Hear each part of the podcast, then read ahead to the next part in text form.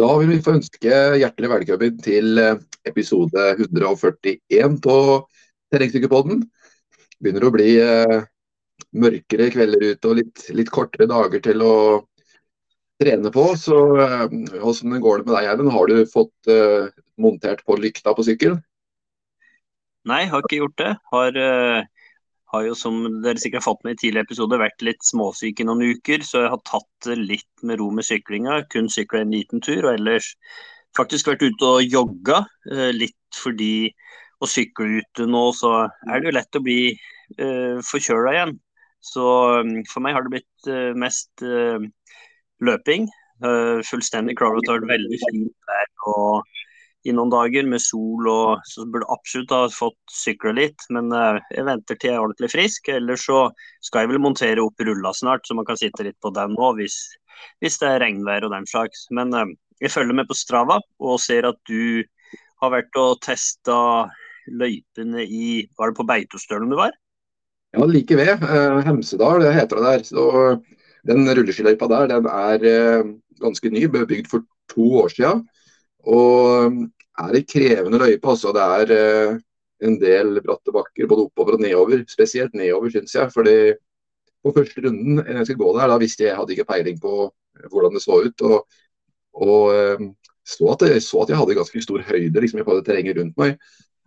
Og slapp meg utover. og det, Jeg så liksom ikke hvor bratt det var bak den kuren der. Men når jeg kom forbi der liksom, mot henget ned, da skjønte jeg at det her var eh, ganske vilt. Og det var jo nesten så jeg dret i buksa og trodde jeg skulle dø. Men det gikk heldigvis bra. Det, det gikk rett nedover og rett etterpå en ganske skarp venstresving. Uh, så det var en litt sånn skrekkartet opplevelse. Jeg hadde sikkert en Jeg måtte vel ha en godt 40 km i timen nedover der. Og på de andre rundene da så tenkte jeg at når jeg kom ned på runding da, da tenkte jeg at nei, fy faen, dette skal jeg ikke gjøre en gang til. altså. Men så tenkte jeg litt, og så, og så nei, jeg får prøve en gang til. og Bestemte meg for å stoppe på toppen og ta av meg rulleskia, gå litt ned i bakken. Og slapp meg da videre ned, og da, da gikk det jo tålelig greit. Og, og, de neste rundene så prøvde jeg å starte lenger og lenger opp, og, og til slutt så så, så, gikk det greit å kjøre hele bakken. Da. Men eh, det var, eh, det var skummelt. Det, det, var det. Ja, og for dem som ikke helt fikk med seg det, så er jo ikke det på terrengsykkel du har vært i den banen der. Det er jo på rulleski, vel? Ja, rulleski, ja. Det, det var det. Jeg har fått én fin sykkeltur denne uka her, og det var eh, Da sykla jeg opp på fjellet Jeg husker ikke helt, det het vel Lykkja oppå der. Da starter du med å sykle opp en ja, opp til en 800-900 meter over havet, og der oppe er det helt nydelige uh, asfaltveier for, uh, for, langkjøring. Og ja, helt, helt, nydelig terreng, så der skulle du ha vært med en gang. Med sånne setervoller og, og fjell rundt. Alt går i høyfjellslandskap. Så litt kaldt var det nok, men uh, var det riktignok. Men det er bare å kle på seg det, så går det fint. Men det har vel kanskje vært fare for snø òg, da, der i høyden, eller? Ja da, det kom snø dagen jeg dro derifra.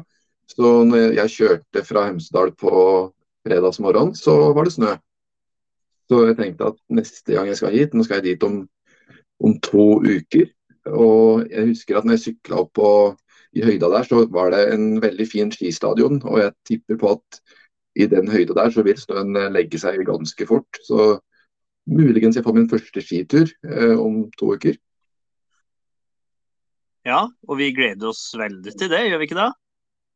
Jo, jeg gjør det. Så nå blir det en sesong med der vi skal ha, ha bestemt oss for å krysstrene litt mer. Ikke bare fokusere på kun sykling, men også eh, drive med litt andre ting ved siden av syklinga. Så, så får vi se hvordan det går. Personlig så tror jeg ikke at det har noe å si på sykkelprestasjon til sommeren som kommer. Jeg tror egentlig om man trener litt allsidig så, og holder kontinuiteten i syklinga likevel, da. sånn at man ikke, ikke, slutter å sykle, men, men, tar seg noen økter hver uke, så, så, tror jeg ikke sykkelformen vil bli så veldig dårlig til sommeren. Vi, husker jo Lasse Let eh, Johansen, som eh, var Birkebeinertrippel. det ble, vant Birkebeintrippelen uh, den sesongen her. Han trente jo veldig spesifikt på ski når han var ferdig med sykkelsesongen, og, og sykkel når han var ferdig med skisesongen. Og, og likevel så presterer han på, på, det nivået som han gjør. Så nei, jeg er veldig imponert over han. Ja, så vi kan anbefale alle å bare høre eh, episoden for to uker siden med Lasse Lett Olsen. Det er eh, ja, mye å lære der for, eh, for eh, alle på, på, vårt nivå, og dårligere og bedre, egentlig. Det, er, eh, det viser at folk med, med, fulle jobber og familie eh, kan prestere ganske høyt, sjøl innenfor flere idretter. Ja, absolutt. Og eh, med tanke på at han ikke sykler på vinteren, og likevel klarer å sykle Birkebeinerrittet på godt ned på 250-tallet, eh, så sier jo det litt om eh, nivået. Jeg kan jo bare drømme om tilsvarende. Absolutt. Så nei, men det blir spennende i hvert fall å å, få trent nå framover mot skisesongen. Det, det, både for meg og deg så blir det veldig lange skirenn vi skal gå. Både Tryseknutrennet og Tryse skimaraton, kanskje Vasaloppet, kanskje Birkebeinerrennet. Og så noen flere òg, kanskje? Hvis, hvis tiden og mulighetene byr seg, eller? Ja da, og jeg syns det er moro med disse her uh, klubbrenna våre så, eller lysløyperenna som vi kjører med veldig lave skuldre. Møtes en gjeng og går det vi klarer. Men uh, det, det syns jeg er god trening. Ja, jeg har ikke sett noe til noen lave skuldre der, jeg også. Men uh, nei, det er, uh, det, er, det er harde økter. Ti kilometer staking, egentlig. Det er god trening, det, altså. Ja, det er det. Hva tenker du da? Skal du gå bare pigging i vinter? Nei, det blir vel ikke til det. Uh, har liksom hatt noen sesonger hvor jeg har drevet med det, og det gikk jo atskillig fortere enn å gå med, med feste. Men samtidig så syns jeg eh, det er mye morsommere å gå, gå diagonal, eh, gå og sparke fra og få brukt hele kroppen. Eh, opplevelsene fra skirenna blir faktisk litt bedre, sjøl om du må legge på en kanskje ti minutter på sluttida. Så hva med deg, da? Jo, jeg er enig i det. Jeg kommer til å gå med feste. Jeg kommer nok til å prøve å stake mye, men uh, jeg har den erfaringa at man får ikke så veldig mye dårligere glid av å gå med feste. Så, så Iallfall ikke på sånn vanlig kaldt, tørt føre, så føler jeg at det er omtrent tilsvarende, egentlig. Iallfall uh, for min del. Og Vi har jo snakka litt om felleskier òg på tidligere episoder. Og, og jeg har òg inntrykk av at dem òg Eh, glir bra hvis man, eh, hvis man velger å bruke eh, stive nok skier og, og barbere fellen litt, eller bruker konkurransefell, så, så syns ikke glien er noe dårlig. Det står jo på segmenter på Birkebeinerrittet for nei, rittet, sier jeg, rennet for to år siden var det vel, eller var det tre, så hadde ikke jeg noen veldig dårligere tid nedover enn de som er på et langt langt bedre nivå enn meg, som jeg vet at staker. Så, så men, men, det er jo føreravhengig, selvsagt. På enkelte fører så er det jo ingen tvil om at blanke skier um, triller bedre, holdt jeg på å si. Sklir bedre. Ja da, og, og vi vet at sånn som um, Petter Northug, som uh, Tor Gotas har skrevet en bok om, han kommer jo senere ut i denne episoden her, men vi skal komme tilbake til det senere.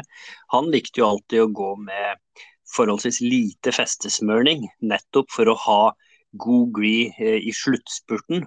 Sånn at sjøl om man kan gå med feste, så trenger man ikke å ha spikerfeste. Det fins noen mellomtinger der.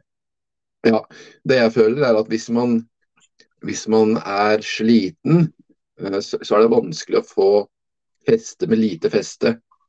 Eh, men hvis man på en måte går og, og staker mye av en trasé, da, og så da, da, bruker man jo mye mindre av Iallfall føler jeg det, da, at man går med litt lavere puls og blir litt mindre sliten. Og så, og så, sparer man beina litt mer. så Når man først da bruker fraspark, så, så har man mer krefter til å sparke fra. Så jeg vet ikke hva du tenker om det? Jo da, det er jo absolutt sånn. Så det er jo det som har vært det fine med felleski f.eks. Også at du har, du har godt feste hvis man ser på Birkebeinerrennet, hvor du på en måte skal i veldig mange forskjellige uh, opp det ene fjellet og ned et annet, og stor variasjon da, i, i, forhold til hva som gir godt feste og god glid underveis i rennet, så, så vet du at med fell så har du godt feste helt inn til Birkebeiner skistadion. Så det, det syns jeg har vært veldig godt de siste åra. Jeg har jo også staka Birkebeinerrennet et år, eh, og det var ganske slitsomt på slutten, det. Mens med feste så kunne man gå avslappa og egentlig ta igjen ganske mange på slutten også, som begynner å bli slitne i armene. Ja, tenker du at det er en av de store forskjellene på Vasaloppet og Birken? Det her med at, at Birken har så veldig forskjellig føre underveis? Ja, det er jo egentlig det det som gjør det. Og så, så er jo det her med høydemetere. At uh, det kan hende like mange høydemetere totalt sett, men du får dem så sammenhengende på Birkeveinerrennet at det, det, kan være tungt hvis man uh, ikke er glad i motbakker, da. Nei, det er akkurat det. Så det er uh, Jeg føler at føret er mye jevnere på på baseloppet. Det blir jo mildere og sånt under der òg, men sånn som på Birken så kan man jo starte opp på, på uh, Rena og ha uh, egentlig mer eller mindre skare. Og så kommer du opp i fjellet, og så er det plutselig tørr uh, drevsnø. Og så bikker det nedover mot Lillehammer. Og der, der, er det bare slush og enkelte plasser nesten ikke snø på bakken. Så, så, veldig veldig store forskjeller underveis, det er det. Ja. Nei, men eh, skal vi gå over til ukens gjest, Ingrid Sofie Bø Jacobsen. Dvs. Si vi har to gjester nå, er det både Tor Gottaas og Ingrid Sofie Bø Jacobsen. Men vi skal først ta en prat med Ingrid, som nå først har vært i snowshoe i USA. Sykla verdenscupritt der. Og i det vi prater med, så er jo hun i Canada skal til å sykle kortbane. Hun var da ikke klar over om hun skulle starte eller ikke. Det er jo noen sånne mm, regler i forhold til din seeding og sånn. Eh, vi kan vel røpe såpass at hun fikk lov til å starte kortbanerittet og sykla vanvittig bra. Ble nummer 27. Eh, hun har fortsatt ikke vært ute og sykla rundbane i det vi spiller inn der, så det blir veldig spennende. Kan jo anbefale alle å gå inn på enten mtbdata.com eller på uci.org for å sjekke ut resultatene, hvordan hun har gjort det. Eller bare følge henne der hun legger ut sjøl, eh, både på Instagram og Facebook og sånn, kanskje. Så da setter vi over til Ingrid Sofie Bøe Jacobsen.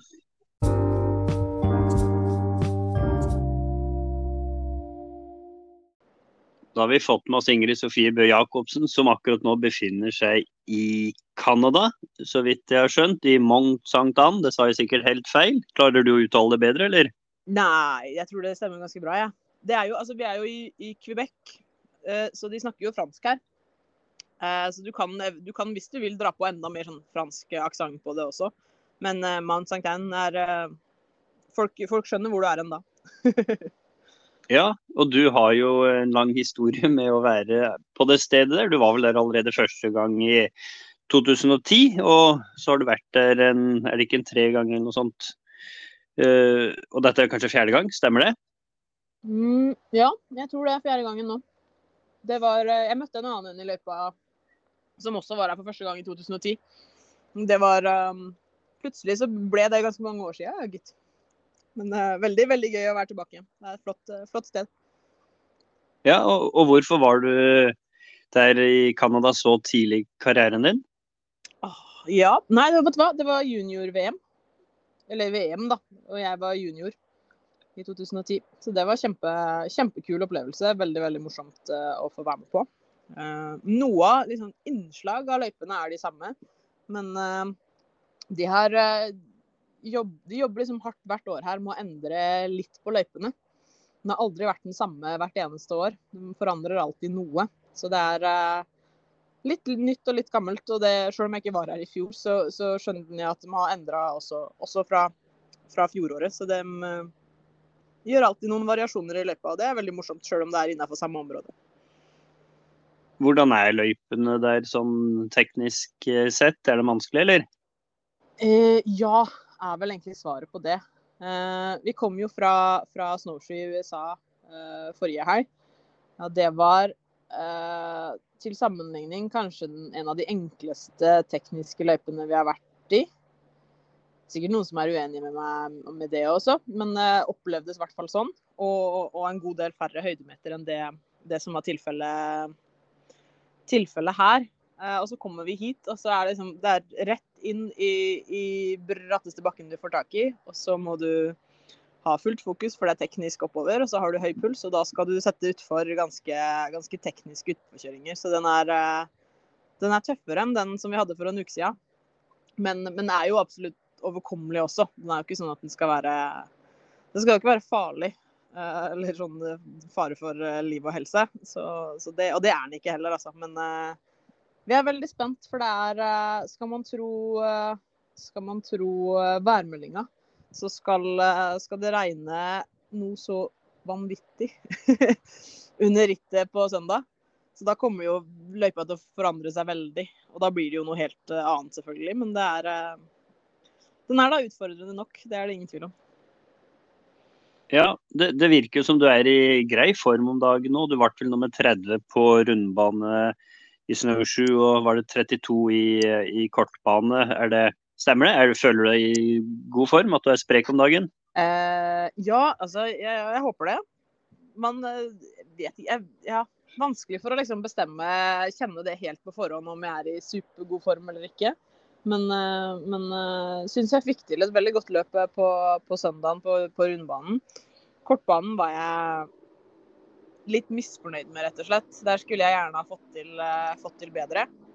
Men uh, ja. En litt sånn blanding av uh, stang ut med at det var en sånn vanvittig flaskehals over en bru i starten. Så hvis du ikke var liksom topp 15 da, så hadde du mista et minutt til teten bare på å stå der. og så litt sånn dagsform og følelse som sikkert burde ha vært enda bedre også. Man skal ikke skylde på skylde på andre på å ikke komme seg fram. Men eh, ja, en god miks av dem to gjør at jeg har lyst til å få til bedre, skulle jeg få muligheten til å kjøre i morgen. Men uh, rundbanen var gøy. Årsbeste eh, hittil, og det, det, er alltid kult sånn på slutten av sesongen. Ja. Du, hvis du skulle få muligheten til å sykle, så er det så du er akkurat på grense i forhold til Er det ikke de 40 beste sida som får starte? Er, er det i forhold til sidene der? ja. Eh, jeg eh, det har jo vaka rundt der hver eneste, hvert eneste ritt i år.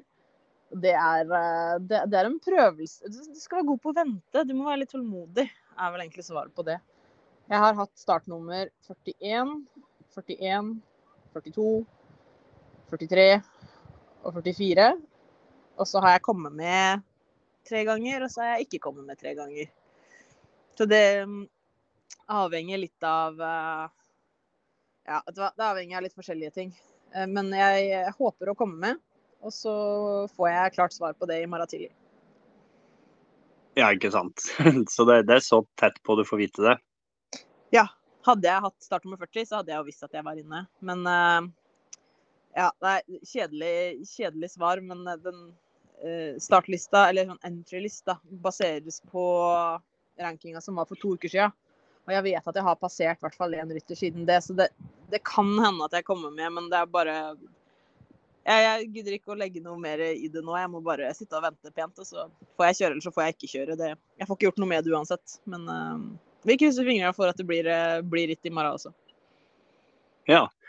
Er det så du er i regi av teamet ditt, Massi, nå, eller er det sånn at landslaget sender deg av gårde, skulle jeg si? Nei, ja, landslaget sånn sett er vel egentlig ikke her i det hele tatt. Der er gutta her for egen uh, Gutta er her for egen regning. Men, uh, men, nei, jeg er her med laget mitt. Uh, er her sammen med uh, Massi Mexico, er det som står ansvarlig for den turen her. og det er kjempemorsomt. Så det er en ny gjeng sammenlignet med de jeg har vært på tur med tidligere. Altså Rytterne er jo de samme, da, men, men støtteapparatet er, eh, er, eh, bare meksikanere. Det har vært, eh, det har vært kjempegøy. Skikkelig ålreit gjeng som det er morsomt å, morsomt å, være med. Ja, for det, det, det er fortsatt sånn at ikke er to kvinner eller på elitenivå? Du og hun Erika Monserrat Rodriguez Suárez, eller? Stemmer, stemmer. Så hun er her fortsatt. Ja. Hvordan, eh, hvordan er hun fornøyd etter snowshoe? Eh, Nja, jeg vet ikke. Hun var vel sånn helt passe, tror jeg. Uh, ble tatt ut, men, men har ikke hatt den aller beste sesongen. Så jeg tror hun var fornøyd med å bare få lov til å gjennomføre så godt som mulig. Men uh, jeg har ikke fått snakka med henne så, så nøye om, om løpet i seg sjøl. Men hun var helt, helt OK, tror jeg. Ja. Hvorfor heter det snowshoe, vet du det? Eh, nei. Det er et snø... Det er et skisted, etter hva jeg kunne forstå. Det har ikke vært noe sånn veldig fast bebyggelse der på noe annen måte. Så det var bare en fyr som på 70-tallet fant ut at her er det fint å bygge skianlegg. Og så gjorde de det. Og så har det vært, eh, vært det siden. Men hva navnet kommer av? Nei, eh, det er snø der. Det er det nærmeste forklaringa jeg, eh, jeg har. Ja, ja. For snowshoe er vel også det engelske ordet for truger. Bare tenkte om det var noe eh, spesielt sånn, ja. interesse fra truger der. Nei, jeg tror, ikke, jeg tror ikke det har vært noe Vet du hva, jeg, jeg har egentlig ikke peil. Nei da, da Nei, vet ikke du heller. ja, Men hvordan har, eh, har det gått eh, nå første året på, på sånn UCI-team? Du har jo sykla for det før òg, men da var det vel i et norsk lag. Hvordan er du fornøyd med opplegget? Uh, ja, det har jo vært veldig, veldig gøy. Uh, har jo måttet Eller jeg har ikke måttet, men jeg har, jo likevel tvunget meg sjøl til å prøve å lære mer spansk og fransk. Eh, så det har jo vært en reise i seg sjøl. Eh, og så blir man jo sånn alltid Man, lærer, man lærer, lærer mye på veien, og man lærer ganske mye om seg sjøl også. Men har hatt, det, har hatt det veldig gøy og følt at jeg har vært heldig som har fått lov til å, fått lov til å reise rundt på så mange ritt i løpet av, i løpet av sesongen. Det har vært veldig, veldig, veldig morsomt, det. Ja, For det må da ha blitt veldig mye ritt på deg denne sesongen her? Ja. ja altså det, det er jo det er jo en relativt vanlig sesong. sånn Antall, antall ritt tror jeg er faktisk ganske lik det den pleier. Det, er, det går slag i slag når sesongen først er i gang. Men det som var litt annerledes i år, er jo at den har blitt strekt litt mer ut da, enn det som var tilfellet i fjor. For da, da var vi jo ferdig, ferdig i midten av september. Altså Siste verdenscupen var jo første helga i september. Så nå er jo alt dratt en måned ekstra. Uh, og vi begynte jo minst like tidlig. Så det er uh, Sesongen blir lengre. Uh, det, det merkes litt, i hvert fall sånn når man nærmer seg, nærmer seg slutten. Ja. Hvordan er det å holde motivasjonen oppe gjennom en lang sesong? Det går som regel greit, ja, altså. Vi gjør, vi gjør det jo fordi vi syns det er gøy. Så det er klart, hvis du sliter med motivasjonen allerede i juli, så har du kanskje valgt feil eh, ting å holde på med. Eh, men eh, nei, for min del så har jeg kjent Altså de, de, de reisene som har vært lange, sånn at jeg har vært, måtte, vært borte lenge hjemmefra, den, dem har jo kjentes, kjentes litt. For det er ikke så kult å være borte fra, fra mann og barn hjemme. Men, men altså, ritt i seg sjøl og reisinga og treninga har vært veldig, veldig gøy. Og så vet man jo nå, da, for det, det her er jo den lengste turen jeg jeg tror, jo, jo, lengste tur. Det er tre helger, da, i hvert fall, eh, som, som jeg er borte. Eh, men det er på en måte greit, for jeg vet det er den siste. Så når jeg kommer hjem nå på tirsdag, så er jeg på en måte hjemme, hjemme for godt en stund. Så det, da er det på en måte helt greit å være her, for du vet at du er snart, du er snart hjemme igjen. Ja. Kan det være positivt at sesongen nå blir litt lengre med tanke på ja, f.eks. OL neste sommer og den slags, eller? Eh, Nja. det er eh, Sånn for min del så tror jeg det blir veldig, veldig vanskelig med OL, dessverre. Uh, den er uh, Ja, det er jo et slitsomt, uh, slitsomt system, den OL-kvalifiseringa. Det er jo i utgangspunktet basert på at de tre beste fra hver nasjon sanker poeng til, eh, til nasjonen. Og så sender man, er det én av de som som får kjøre, da. Eh, og på gutta nå så er det jo én, har de vel mer eller mindre sikra én plass til eh, Paris neste år. Og der eh, er, har vi ikke på damesida like mye poeng eh, som Ja, nei, har rett og slett ikke nok poeng i den samlinga av de tre beste, da.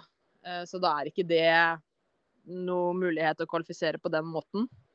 Og så er det da, i tillegg til det, så er det jo en sånn type wildcard-løsning, hvor det er noen plasser til eh, de, de, nasjonene som ikke har fått plass gjennom det vanlige kvalifiseringssystemet. Det blir, altså det er, man, vi henger nesten ikke helt med på hvordan det fungerer, vi heller. Men, men de, de, nest beste da, kan få en plass basert på enkeltplasseringer i, i EM og VM. Eh, og der har jeg alene ikke kjørt godt nok til å generere en plass. Så, så nasjonen har ikke kjørt godt nok til å gi én plass til én rytter. Og så har ikke jeg som enkeltrytter klart å liksom gi meg sjøl en plass, da. Så da, da, blir det nok litt vanskelig. Ja, ikke sant. Og, og da, da, skjønte jeg riktig at det her med at de norske gutta begynner å pressere noenlunde bra, det påvirker ikke dine muligheter for å sykle? Nei, det går, uh, går i hver sin klasse. Det mm. er, uh, er, jo for så vidt rett og rimelig det, da. For det er jo inn, innafor uh, Så lenge vi sykler i hver vår klasse, på en måte, så er det helt, helt greit, det. Men, men, det er et frustrerende system, synes vel egentlig de aller fleste. Jeg sykler jo Ja, min lagvenninne, da, ligger jo, ligger jo mye, mye bedre an til å få en OL-plass enn det jeg gjør. fordi hun Altså, Mexico får en kontinentalplass så det også er jo frustrerende når jeg vet at jeg har, kjørt, har bedre resultater, men, men, det er basert på andre systemer, da. Og så har du Sveits igjen, som har fem-seks fem, ryttere, topp 15, som bare får lov til å sende to. Ja. Det, og de, det er klart, de tok, de tok gull, sølv og bronse i forrige, i forrige OL, og får nå bare lov å sende to ryttere. Så det er jo ikke det, det er et, jeg tror mange føler at det er et litt slitsomt, uh, slitsomt system. Men uh, vi må på en måte bare forholde oss til det som er. Og så er det mye annet gøy, da. Det er det fine. Vi har VM hvert år i terrengsykkel, og vi har EM hvert år og, og muligheter til å kunne kjøre mye, mye morsomt. Sjøl om, uh, om vi ikke ender opp med en OL-plass. Ikke sant. Hvordan har eh, konkurransen på norsk jord vært i forhold til andre kvinner på seniorsida? Eh, nei, i år så har det vært litt sånn litt eh, midlertidig frafall, jeg, kan jeg vel kalle det. Eh, det har vært litt skader og det har vært litt sykdom eh, hos eh, flere av de andre jentene. Og Det er klart da, det gjør jo at det har vært, har vært litt redusert deltakelse på de norske ritta i år. Vi må jo være så, så ærlige og si det. Men, eh, men, det er flere som er på vei tilbake, og det er kjempe, kjempegøy å se at man eh, kan være en, eh, en gjeng som pusher hverandre. Det, det drar alle nytte av. Det er det ingen tvil om. Nei, og så er det vel noen år til så kanskje kommer opp noen nye òg, hvis vi har skjønt det riktig? Ja, det er jo Lisa skal jo over i senior neste år, og Camilla kommer året etter. Så det blir det, Vi får ikke noe Kan ikke hvile noe der, nei. Nei. Nei, men det blir spennende. Det er vel, det er vel sånn man blir bedre òg, hvis man kan pushe hverandre litt. Uten tvil. Uten tvil. Så jeg, jeg, var inne og så i forhold til Massi. Det så fortsatt ikke ut som det var noen forhandlere av den sykkelen i Norge. Fortsatt sånn at du måtte Sverige eller Danmark for å kjøpe sånn. Stemmer det, eller? Det tror jeg stemmer. Jeg vet, de sa noe om at de hadde hatt noe sånn nettsalg en gang, men der, eh, der, er jeg rett og slett ikke oppdatert nok. Men uh, i Sverige er den nærmeste liksom, ordentlige leverandøren, ja. Hvordan er du fornøyd med sykkelen, er den god? Uh, ja, jeg er veldig fornøyd med den. Det er uh, alltid litt sånn spent når man går fra ett merke til et annet. Uh, hva man føler og hva man syns. Og man ha, Alle har jo sine egne preferanser på, på, på setup på sykkel. Men, men hel, heldigvis, da, man, kan man, vel si, så er det jo sånn Altså Topputstyret er på en måte likt på de aller fleste sykler. Du kjører XDR eh, eller Stram, og du har liksom topp, toppgruppa uansett. Så er mange av de samme komponentene er jo like fra, fra sykkel til sykkel. Og ramma som Massi har, har hatt et setup som jeg syns har vært veldig bra. Den er en relativt lett, eh, lett sykkel og, og, klatrer godt. Og det, det, trenger jeg, for det er klart det er ikke klatringen jeg nødvendigvis er sterkest. Så den har passa meg veldig, veldig godt. Så vet jeg også at det kommer en ny ramme neste år, som vi fikk ta en sånn smugtitt på da vi var eh, på fabrikken i februar, faktisk. Så det blir eh, også veldig, veldig spennende å se, se på neste års, neste års modell, hvilke justeringer som, som kommer da. Det, det, gleder jeg meg veldig til. Det høres spennende ut. For da, da, skjønte jeg at Massi var et italiensk merke, stemmer det? Spansk? Spansk, eller italiensk? Spansk. Spansk, ja. ja. Mm. Men laget du sykler for, det er franskregistrert, var det så? Det stemmer. Det stemmer. Jeg er litt usikker på hvordan. Men det er noe, ja. På en eller annen måte. Massi er ganske stort i Frankrike også. Men spanske sykler, franskregistrert lag. Ja. Sånn på gutta, er det mange av seniorer der som er med å konkurrere i verdenscupen, eller? Uh, vi har to. Uh, har hatt to i eliteklassen og én i 23. Uh, og han beste der er meksikansk, og det er vel han som har prestert sånn på det jevne best av de.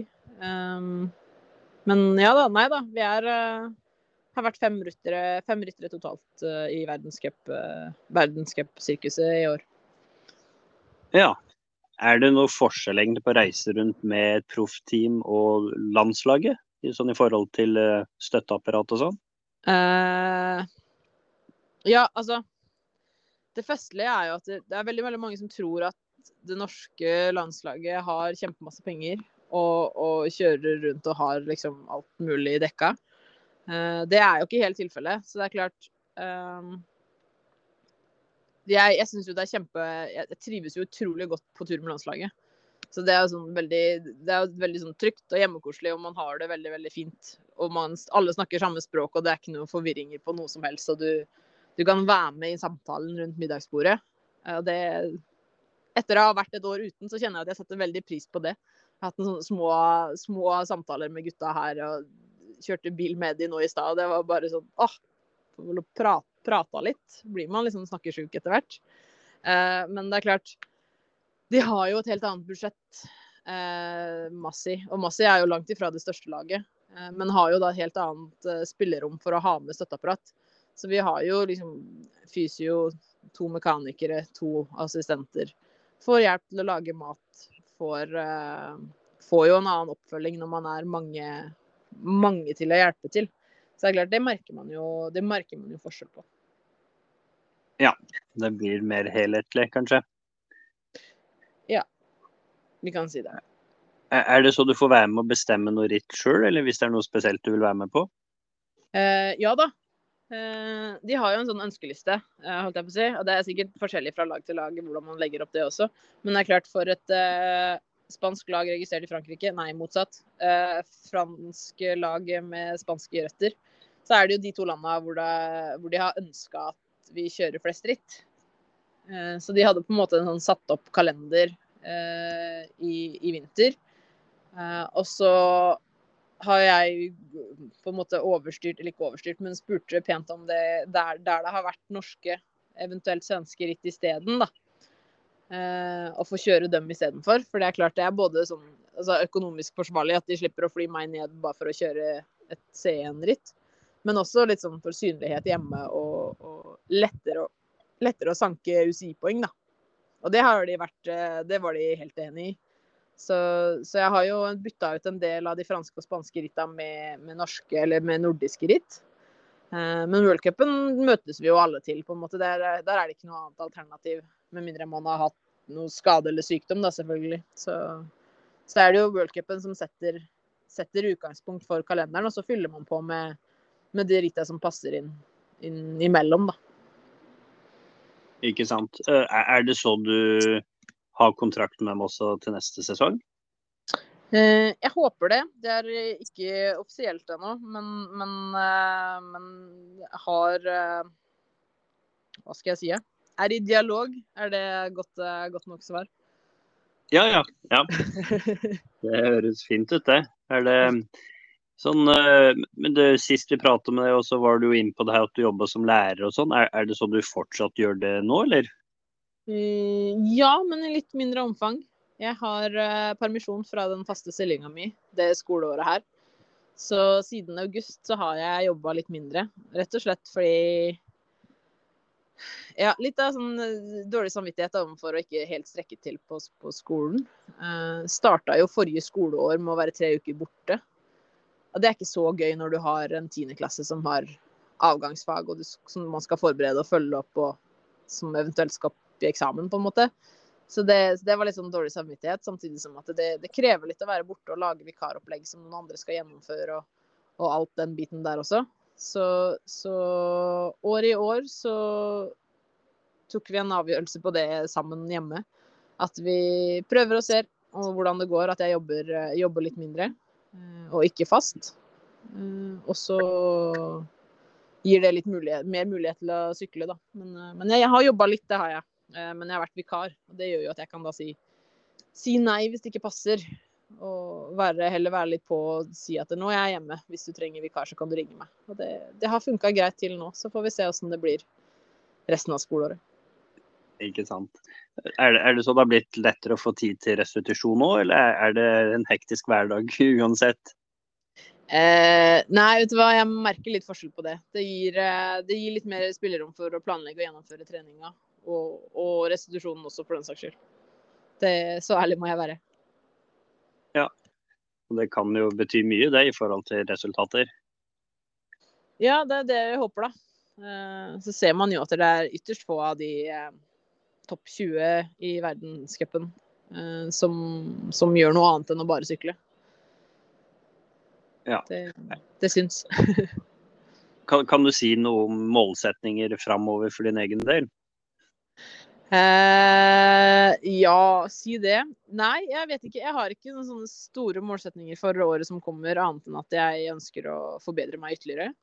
Nå skal jeg jo runde av, uh, runde av den helga her først, da, så får vi se åssen det går. Eh, det var veldig gøy å få lov til å være med og liksom kjempe litt lenger fram i feltet nå den helga her. Så, så, om jeg klarer å liksom snuse på, snuse på topp 30 en gang til, hadde vært uh, utrolig kult. Uh, og så må jeg bare ta det derfra. Nivået er vanvittig mye høyere nå enn det det har vært de siste åra, og det merkes veldig godt at det er Sjøl de beste, hvis man har en liksom bitte, bitte litt dårligere dag, så er de også mye lenger bak. Eh, og det er jo veldig gøy, for da gir det jo mulighet for ulike ryttere som kan gjøre det bra. Og det har vært mange Det har vært relativt, da, så har det jo vært flere, flere vinnere nå enn det har vært mm, tidligere år. Så det gjør jo at det blir veldig, veldig spennende, men også krever mye. Men eh, nei, klarer jeg Klarer jeg flere topp 30-plasseringer i World Cup, så er liksom veien derfra videre opp er ikke så lang. Det krever, eh, krever kontinuitet, og det krever uh, at man jobber, jobber jevnt og trutt. Men jeg er veldig motivert for å, for å, få til enda litt mer, altså. Det er jeg. Ja, ikke sant. Nei, men Ingar, du får spørre litt du òg. Ja da, jeg sitter jo her og bare hører på. Jeg, vet du. Så jeg sitter og tenker litt i forhold til det profflaget Massi og Eh, landslaget, er det sånn at du har trener gjennom eh, eh, Massi, eller er det landslaget som har trener? Hvordan fungerer det der?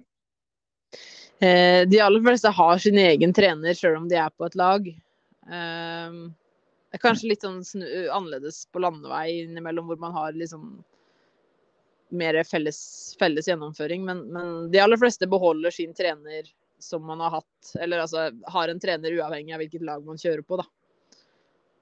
Mm. Hvem er det som er treneren din, da? Eh, jeg har Ja. Det, det, riktig svar på det er at jeg ikke har noen trener. At jeg, jeg er min egen trener, eh, først og fremst. Men bruker, eh, bruker Eddie og, og, innimellom andre fagpersoner eh, som sparringspartnere når jeg, setter opp, eh, når jeg setter opp treningsopplegg. Så jeg lager opplegget sjøl, og så kan jeg diskutere litt, rett og slett, med noen som sitter på utsida av mitt eget hode, kan være greit noen ganger. Ja. Så, ja, kunne se litt, se litt, annerledes på det, da, hvis det er noen justeringer, eller kanskje du har tenkt på det løst annerledes. Så det har fungert bra de siste åra, så det kommer vi nok til å fortsette med. Ja, det ser ut som det fungerer veldig bra, og du har jo prestert eh, veldig bra nå den eh, sesongen. Og kanskje aller, aller best helt på, på tampen nå. Men har du, har du, gjort noen, eh, har, har, du begynt evalueringsprosessen av sesongen som har vært her? Eh, ja, altså jeg, jeg er jo ikke helt fornøyd med sesongen som har vært. Så ærlig må jeg jo være. Jeg føler at jeg burde ha fått til mer. Og, og resultatmessig så har jeg jo ikke innfridd helt ut ifra egne forutsetninger, syns jeg sjøl. Så har, har har begynt litt evaluering av sesongen allerede. Men det er også sånn Vi må gjøre oss ferdig først med det vi holder på med. Så, så det blir nok litt sånn eh, oppsummering og veien videre når, når, vi lander hjemme i Norge neste uke. Det, det kommer nok, det. Ja, og det er jo ikke lenge til det nå, så da blir det på en måte kanskje følende som litt sånn antiklimaks da, når man har vært gjennom en sesong som har vart og vart, og så, og så plutselig så er, det, så er, det, ikke noe ritt på en stund. Hvordan, eh, hvordan tenker du det eh, vil gi noe utslag? Nei, jeg syns eh, det skal bare bli deilig. Eh, jeg syns det er veldig veldig gøy og gleder meg veldig til å få kjøre det siste rittet her. Det er ikke sånn at jeg ikke, ikke er motivert for det, for det er jeg virkelig. Men, eh, men, nå har vi holdt på en god stund, og sesongen har vært, vart lenge nok. Så nå gleder jeg meg til å komme hjem og bare, bare kunne trene. Ja. Få lov til å ha den hverdagen med, med store treningsmengder, selvfølgelig. Men, men, mindre reising og mer, mer, muligheter for å trene og ha det hyggelig hjemme. Ja, ikke sant. Det, blir det noe særlig offseason, eller blir det bare rett å begynne å forberede seg til neste sesong? Eh, nei, det blir vel en uke eller to med litt mindre trening, men det er ganske, ganske tett på igjen, ja. Jeg vet, ja. Det, er, jeg vet det gjøres veldig vet, Der er det kjempestore individuelle forskjeller. Jeg vet om de som legger vekk sykkelen for en måned og bare trener alternativt. Eh, mm. for, for, å liksom kunne koble av helt. Men jeg eh, Jeg gjør ikke helt det, da. Men, eh, men eh, trener litt sånn Trener lystbetont og etter hodet en en to ukers tid. Blir det, det blir det i år. Det har litt med sånn planlegging av livet ellers å gjøre også. Ja. eh, og så er man tilbake i eh, Begynner litt pent, selvfølgelig, men er tilbake i trening relativt raskt. Mm. Eller er tilbake i systematisk trening relativt raskt. For det er ikke sånn Når man sier offseason, så betyr ikke det ingen trening, men da betyr det kanskje Litt annerledes og kanskje litt mindre trening, men det er definitivt trening, det skal sies. ja, ja, ja. Nei, man kan ikke slippe seg ned for mye, nei. Så nå, Det nærmer seg jo litt vinter og litt mørketid uh, her i Norge, men er det sånn at du kommer til å bli mye her hjemme og trene her, eller, eller kommer du til å dra til utlandet for å få sitte på sykkel? Nei, jeg blir nok å se hjemme med hodelykt, ja. Er ikke Eh, det er litt sånn logistikk og litt, uh, litt at når jeg først er hjemme, så er det helt greit å være hjemme. Jeg skulle gjerne vært på treningsleir i Spania uh, i perioder, jeg også. Jeg kjenner at de her fire-fem timers langturene går litt lettere i kort, kort i, i sola enn uh, en tråkkende rundt på snø eller på rulla. Men, men har fått gjennomført god trening her hjemme før og tror ikke det skal være noe sånn stort problem nå heller. Så får vi se. Kanskje det blir eh, et kort, eh, kort treningsopphold her eller der. Men, eh, men, i utgangspunktet skal jeg være mesteparten, mesteparten i Norge.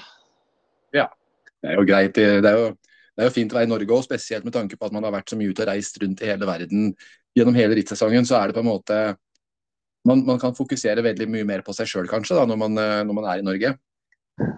Ja, det er helt greit å slippe å sette seg på noe fly på en stund når jeg først kommer meg hjem nå, kjenner jeg. Det er ja. helt innafor. Ja. Så er jeg heldig, da. Det er ikke så himla mye snø, snø på mine, mine, trakter, så det er ikke noe Det er ikke noe sånn overhengende fare for at det blir eh, at det blir is og snø med det første hjemme, hjemme hos oss. Så det, det, skal nok gå bra. Ja, Dere har jo egentlig fine sykkelforhold hele sesongen, i motsetning til, til meg og Erlend som har ganske mye snø. da, Ganske snart, tenker jeg. Ja, ikke sant. Det er, eh, det er litt forskjell. Vi ja. kjører sti stort sett året rundt. Det gjør vi faktisk. Ja, ja det er jo kjempefint. Ellers så eh, Nå er det en stund siden vi har snakka med, med, Linn eh, Gustavsson. og Dere har jo kjørt mye, mye ganske jevnt. og Har du mye kontakt med henne egentlig? Ja da. Jeg snakka med henne i løypa senest i stad. Uh, er jo kjempemorsomt, for vi har på en måte fulgt hverandre, fulgt hverandre ganske likt gjennom de siste åra. Så jeg ser jo helt sikkert eh, i løypa på søndag også, skal du ikke se bort ifra. Da kjører vi noenlunde likt da også, mistenker jeg. Ja, ja, ja. Dere pleier å kjøre veldig likt nesten uansett. Eh, noen ganger er du føre, og noen ganger er hun føre. Så det er alltid litt spennende å se på den, eh, den eh, konkurransen mellom dere òg. Ja, den er stadig pågående, den.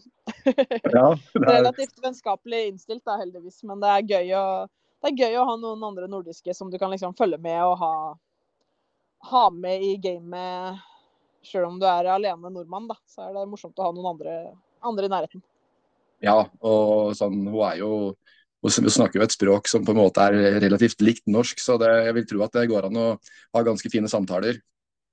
Det går veldig fint. Jeg uh, bor såpass nærme Sverige at det er ikke noe problem. nei, nei, nei. Ikke sant. Ellers så Vi har jo diskutert litt sånn fram og tilbake eh, viktigheten av den den ukentlige langturen, eller kanskje, kanskje mer. Eh, tre, fire, fem timers langtur.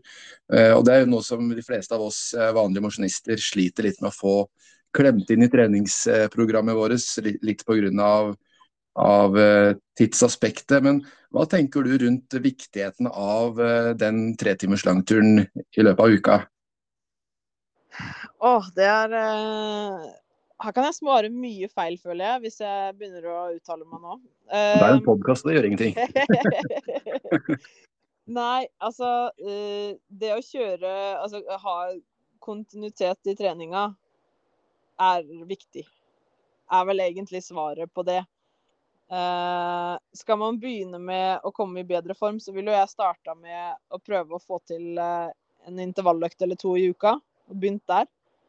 Og så, mm. og så, kan man jo ikke kjøre intervaller hver dag, for da bare kjører man seg sjøl i senk. Så det er klart det man må fylle på imellom mellom de intervalløktene, bør jo da være av den litt roligere sorten.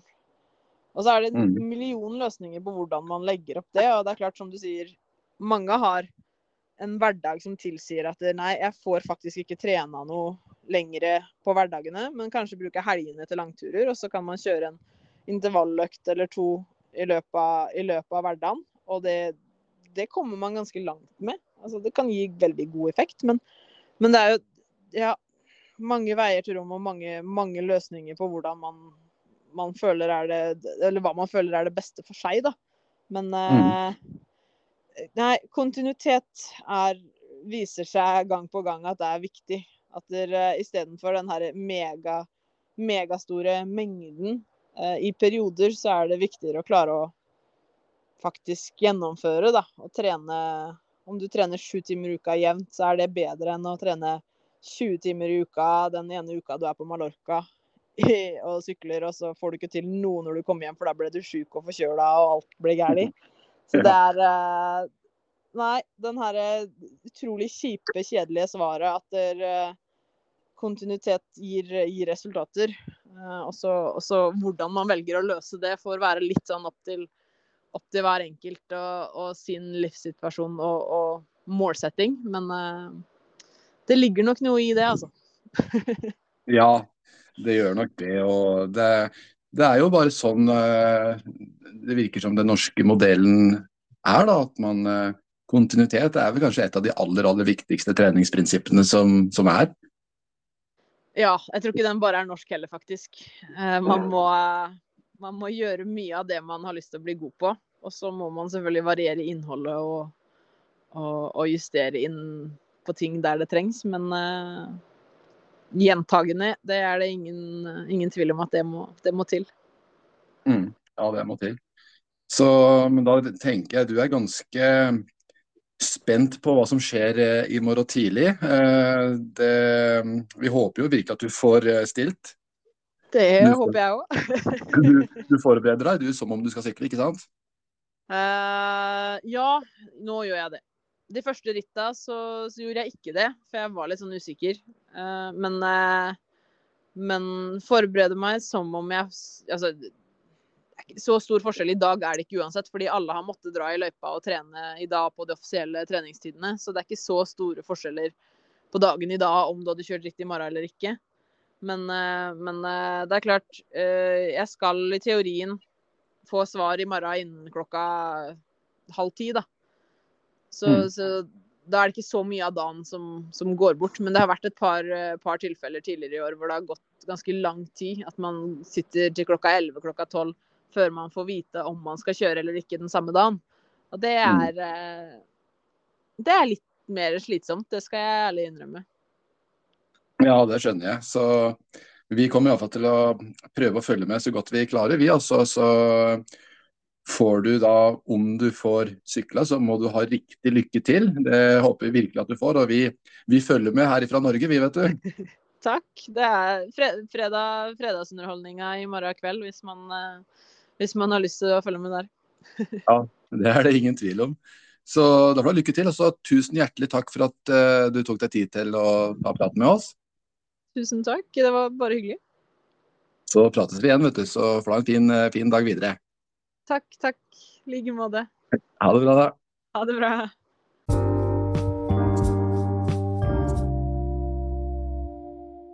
Jeg syns det er utrolig moro også eh, at, at jeg har hatt det løftet nå helt på, på tampen av sesongen. Og når vi, når vi snakka inn denne episoden her, eller den praten med oss, så visste vi jo ingenting om hun fikk lov til å starte. og ingenting om resultatet. Så utrolig gledelig at hun fikk en såpass god plassering. Så nei, jeg applauderer eh, Ingrid Sofie, altså.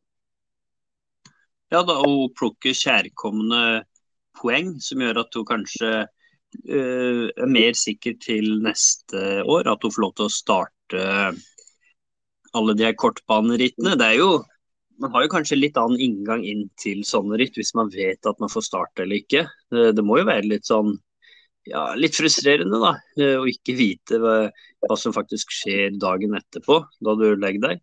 Så jeg håper at hun kan komme såpass høyt at hun er sida som topp 40 i verden. Det hadde vært veldig artig.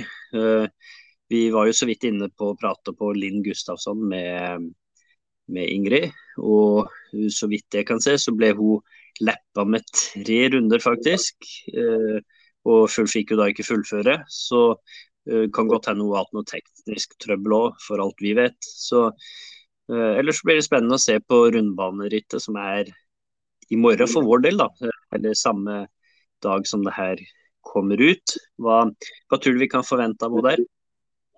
Nei, hun får jo sikkert eh, startposisjon da, ut ifra den resultatet hun fikk i dag.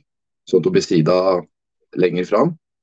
Uh, og det har jo mye å si i forhold til sluttresultatet. Og så En annen ting er jo at hun har vist i de siste ukene nå så har hun vist en stigende form nesten på hvert eneste ritt. Så hvis jeg skal tippe i morgen, ut ifra hva jeg har sett tidligere og hva jeg har sett i det siste, så så tipper jeg at hun får til en, en i alle fall en topp 40-plassering. Hva, hva, tenker du? Ja da, absolutt. Basert på hva hun har fått til tidligere og nå, så, så tror jeg nok vi fort snakker topp eller rundt topp 30 òg, jeg, faktisk. Ja, det hadde i så fall vært helt rått hvis hun får til det. Og, nei, hun, hun må ha tatt et steg ut ifra sånn som jeg har forstått det.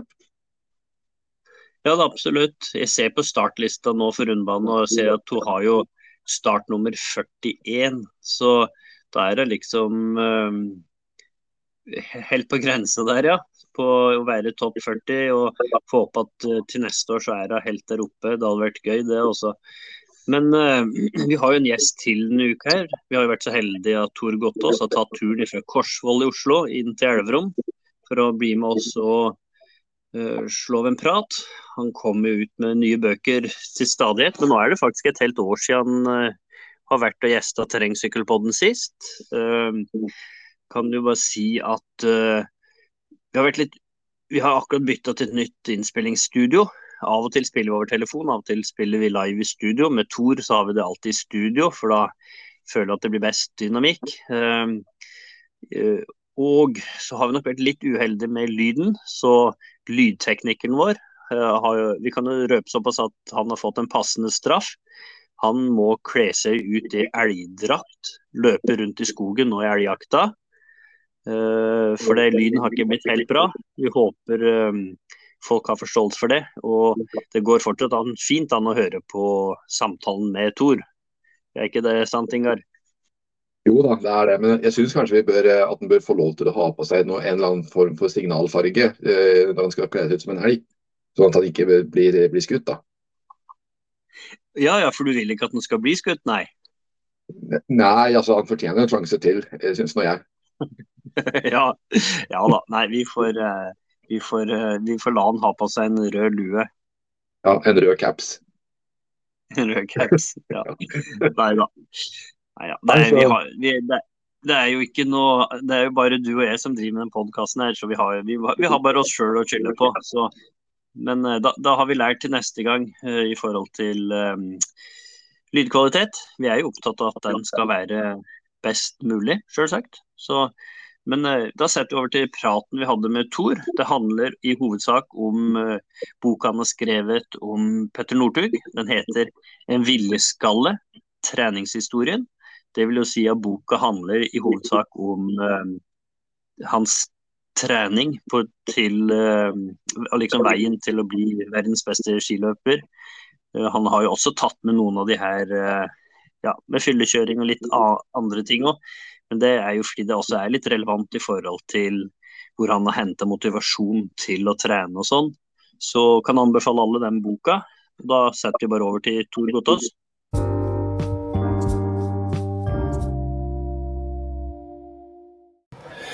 da har vi igjen æren av å ha med oss uh, Tor Gotaas. Han er nå ute med ny bok som kom ut uh, i slutten av august. 'Petter Northug'. En uh, viljeskalle. og Hva var det som gjorde at du fant ut at du skulle skrive om det? Jeg har tenkt og fulgt med Petter i mange år. og så har jeg snakket om at en som heter Pål Skauen, i et lite forlag, lurte på om jeg kunne lage bok om Petter, og sa ja til det. Da er det treningshistorien, og boka heter 'Viljeskalle'. Petter har en spesiell vilje, og du ser omslaget av boka. Han ser ut som en ung ulv. Det er tatt 27.12.2002 i Meldalen han vant et renn der. Så det som kjente til Northug, det er viljen. Hvis du har et bilde av Northug i huet som skiløper, så er det oser innsats og vilje. Syns jeg så viljeskalle, som ikke er et norsk ord, det fant jeg på til denne boka her. Ja. ja, for det er noe spesielt med, med blikket på, på, på, omslaget på boka. Du ser på en måte at det, han eh, Altså der er det mye vilje og eh, Han er rød, rød ja, øya, ser du. Ja. Han har pint seg vant til Meldal da han var 16 år, nesten 17 år. og Det er viljen altså for at han, han var ikke så stort talent, egentlig. Altså sånn, Det var andre som var bedre enn som ung, eller han var guttunge. Men han trente, han hang på de andre og tok med spurten etter hvert. så det er viljen som er kjennetegnet Petter Northug. Også en jævlig vilje. Ja, det har vi sett flere eksempler på tidligere òg. Det det var mange som eh, var bedre enn den, og, eh, og, han ble jo en verdensener etter hvert. Jeg for min egen del var faktisk god som, som 15-åring på skiskøyting. Men det ble jo ingenting etter hvert. Motsatt kurve. Petter han var en som het Øystein Bofjell oppi der, som var fra Steinkjer, som var jævlig god. Petter ja, uslåelig. og han, Petter slo den første gang han var 13 år. og Da hadde bokfilmen mot dobbeltsidig lungebetennelse. Faren sa det var rusk i halsen, bare. Men uh, uansett, så han var overtrent, han, så han fikk forbud om å trene av far sin. Men da, sto han på natta og trente. Han gikk på ski, han gikk på rulleski. Han, eh, han uh, trente styrke. Han sa han skulle på dass i timen på skolen, så gikk han og trente styrke mens han var på dass. Og han løp til og fra skolen, han løp til og fra æren, så bokfilmen var en konkurrent av Petter som han straks etter og Petter slo første gang da han var 13 år. Og da han konkurrerte mot den fra han var 6-7 år. Så han var virka uslåelig. Altså, men Petter slo den etter hvert og ble bedre. Ja. Nei, det er uh, helt uh, rått. Så uh, Peter han ble jo etter hvert ja, jeg vil si verdens fremste. Han var jo veldig god på sprint først, da. Men utover så, så, ble han jo en ener sjøl på lange distanser òg. Ja, han tapte en spurt i 1999, da var han 12 år. Altså ikke i 12-årsklasse, han var 13 år. Det var midten av mesterskapet i Molde. Det var spurt om tredje- og fjerdeplassen. Han dro. Og han andre løperen gikk forbi. Han, Petter ble nummer fire, da ble han skuffa. Han skulle aldri bli slått i en spurtmatch. Så dagen etterpå dro de og øvde på sprint og spurt i, rundt garden på framværet Så han begynte å trente nesten hver dag på det framover, faktisk. På å spurte og sprinte, særlig på skøyting.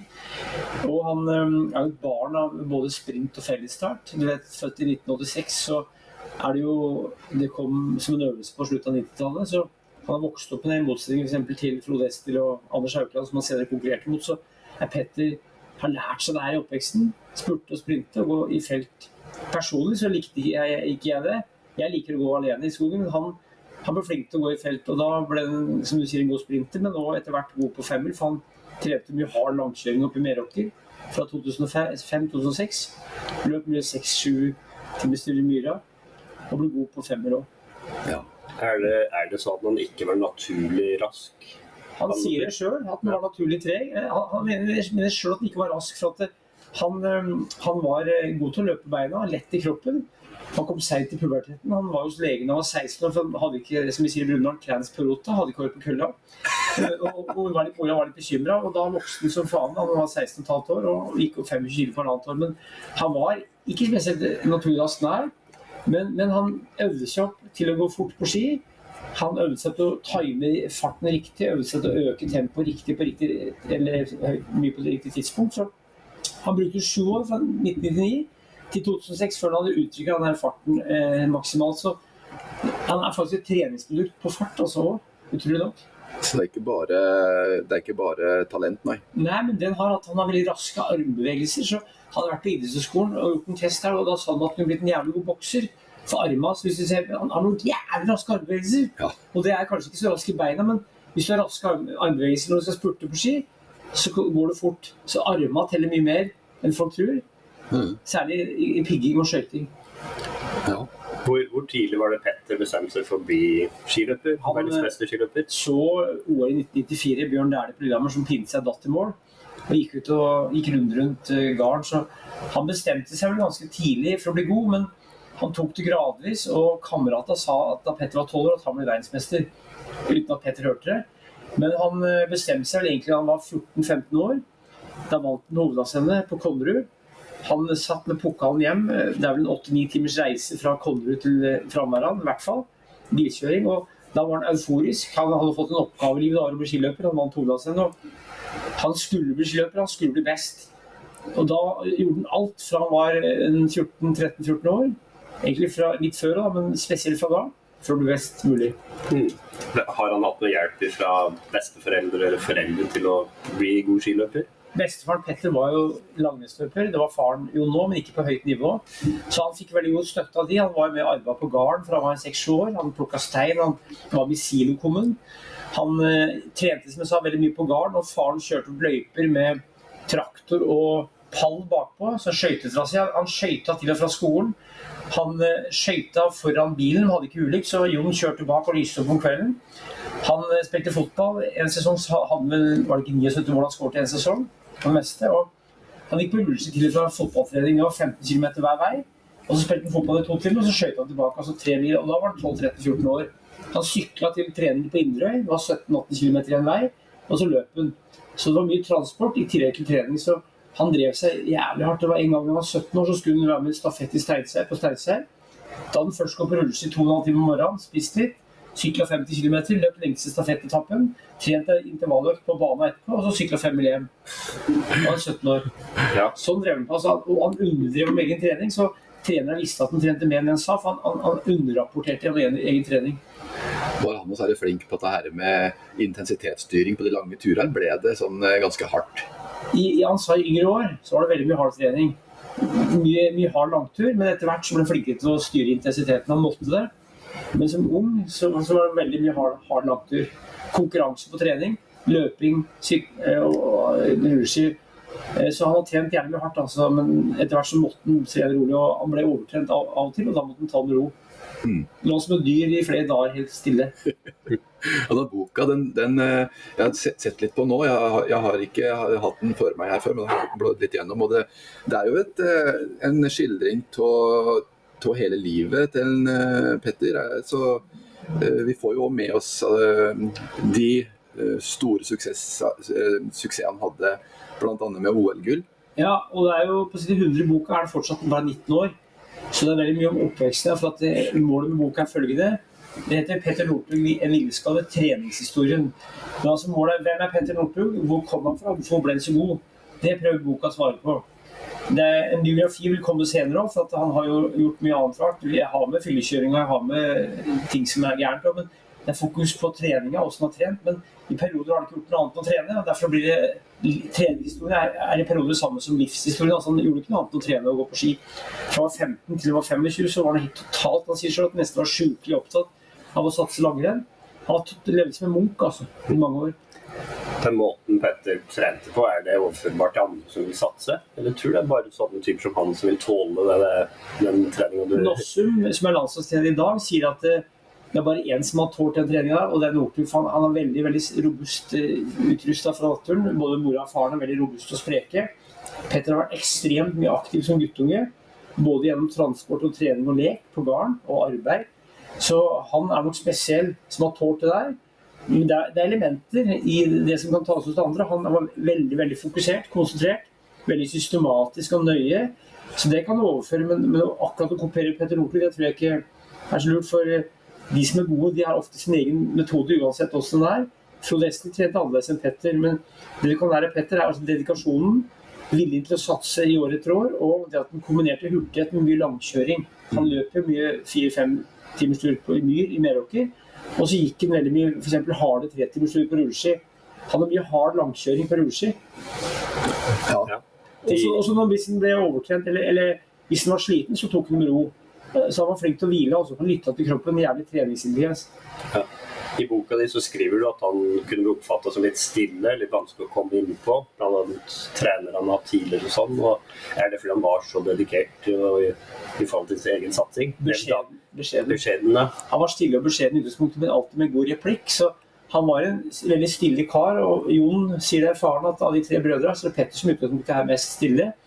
Men uh, han har uh, en, kan vi si, en mer rolle i media hvor det er mer snakkesal, men han er jo veldig god til å prate. Så det er det at han vokste opp uh, der på Framvær, en liten gren med 150 innbyggere. og Høydepunktet var når mjølkebilen kom annenhver dag, så det var ikke så mye folk. Så det er og slett at den kommer fra ganske Ikke grisgrendte kår, men gården ligger jævlig fint til. Det er, det er skau der, det er havet ligger der. Det er 200 meter over havet. Fint å trene, fint å gå på ski, fint å løpe. så det er en veldig fin plass å vokse opp på, stille og rolig. En veldig bra plass for en skiløper. Altså. Ja, du sa det med havet. Var det som brukte havet nå til, til å trene? Han eh, brakk jo beinet da han var 15 år, i fotballkamp. Så han begynte å padle. Da padla han en mil til og fra skolen.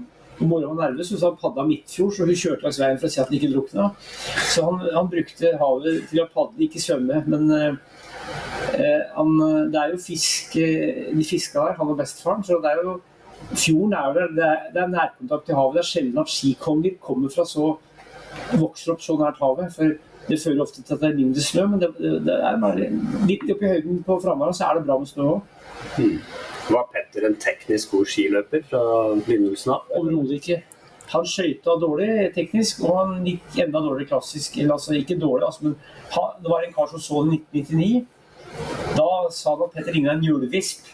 Og Thomas, som er fire år yngre, gikk bedre teknisk enn, da, enn han i skøyting, så han gikk over til Indre i 1999. Og da ble han mye bedre teknisk ganske raskt, så han skøyta bra teknisk ganske snart. Men klassisk det fikk han til først da han var nærmere senioralder. Og var veldig forskjell hvis den var i form i klassisk og ikke.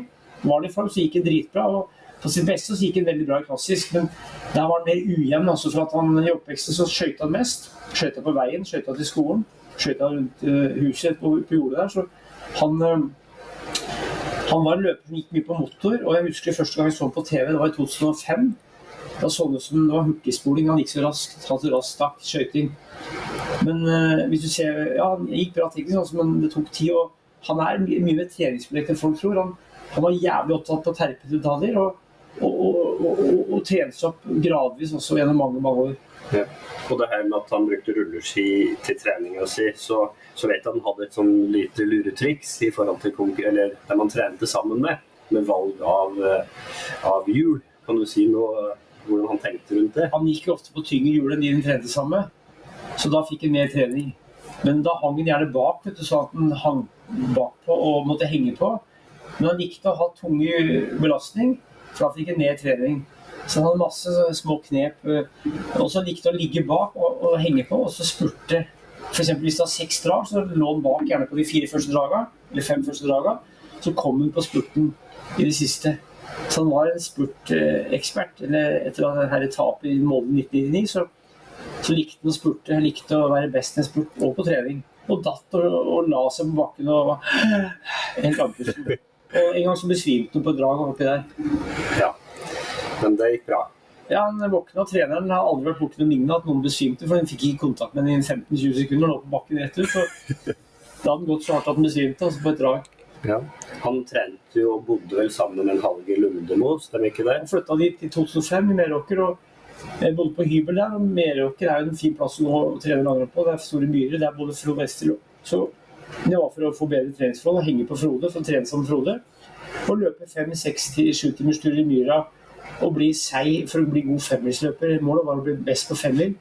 Alle skikonger omtrent har vært gode på femmil. Du blir ofte, blir ofte ikke skikonge hvis du bare er god i sprint. Nei. Nei, det er noe med den femmilsdistansen at du må på en måte beherske den skal du virkelig være en skikonge. Og langrenn heter jo langrenn. Det er jo lang skirenn.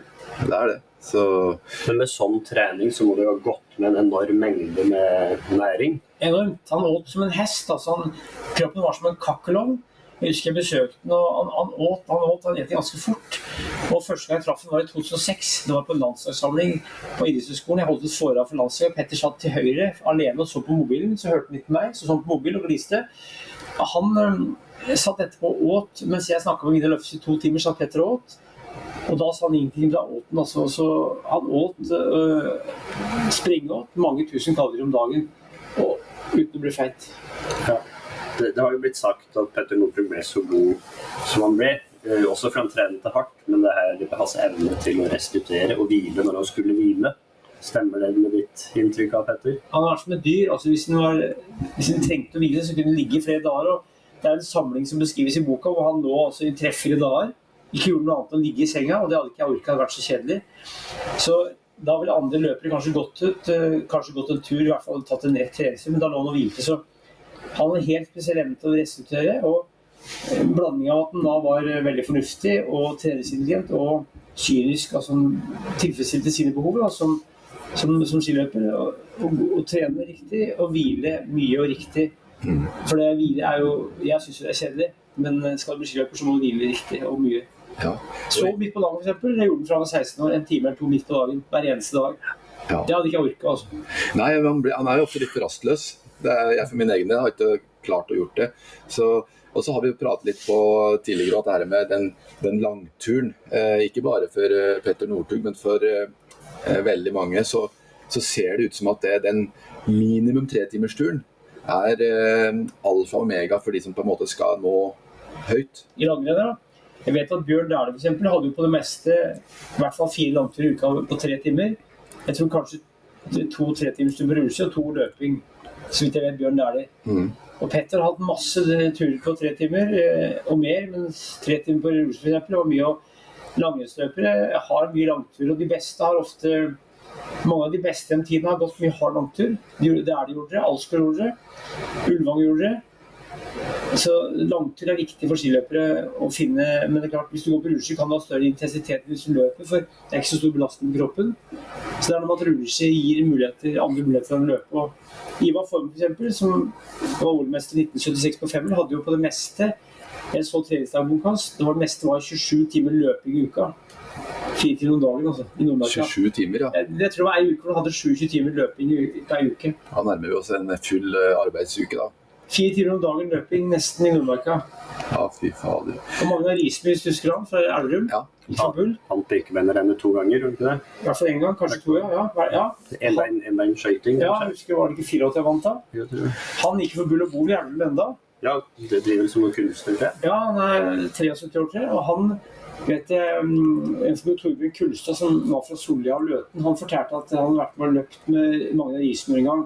Da ble Torbjørn sjuk den dagen, så det løp en løp en fire timer og 20 minutter. Og da hadde Magne bare gått på list, for han, eller løpt for han hadde løpt like langt dagen før uten å bli sjuk. Så han, det står i boka mi første løype at han på det meste hadde 49 timer trening per uke. Rolig, altså. Sju timer om dagen. Magne Risby kan spørre noe om det. Han er sikkert tilgjengelig for en prat, han òg. Sju timer. Jeg, jeg, jeg, Han går fortsatt turen. Jeg har Ja. sett ham på noen tur, en Trysil skimaraton. veldig artig kar, så han får tak i han. Han kan sikkert fortelle om de store treningsmengdene. Mm. Han har sagt at han en gang har trent en gang 49 timer per uke, sju timer om dagen. Ja. Det, det er mye, men da var det veldig rolig, altså. ja, da må det jo være rolig. Men uh, det er jo en sånn for deg.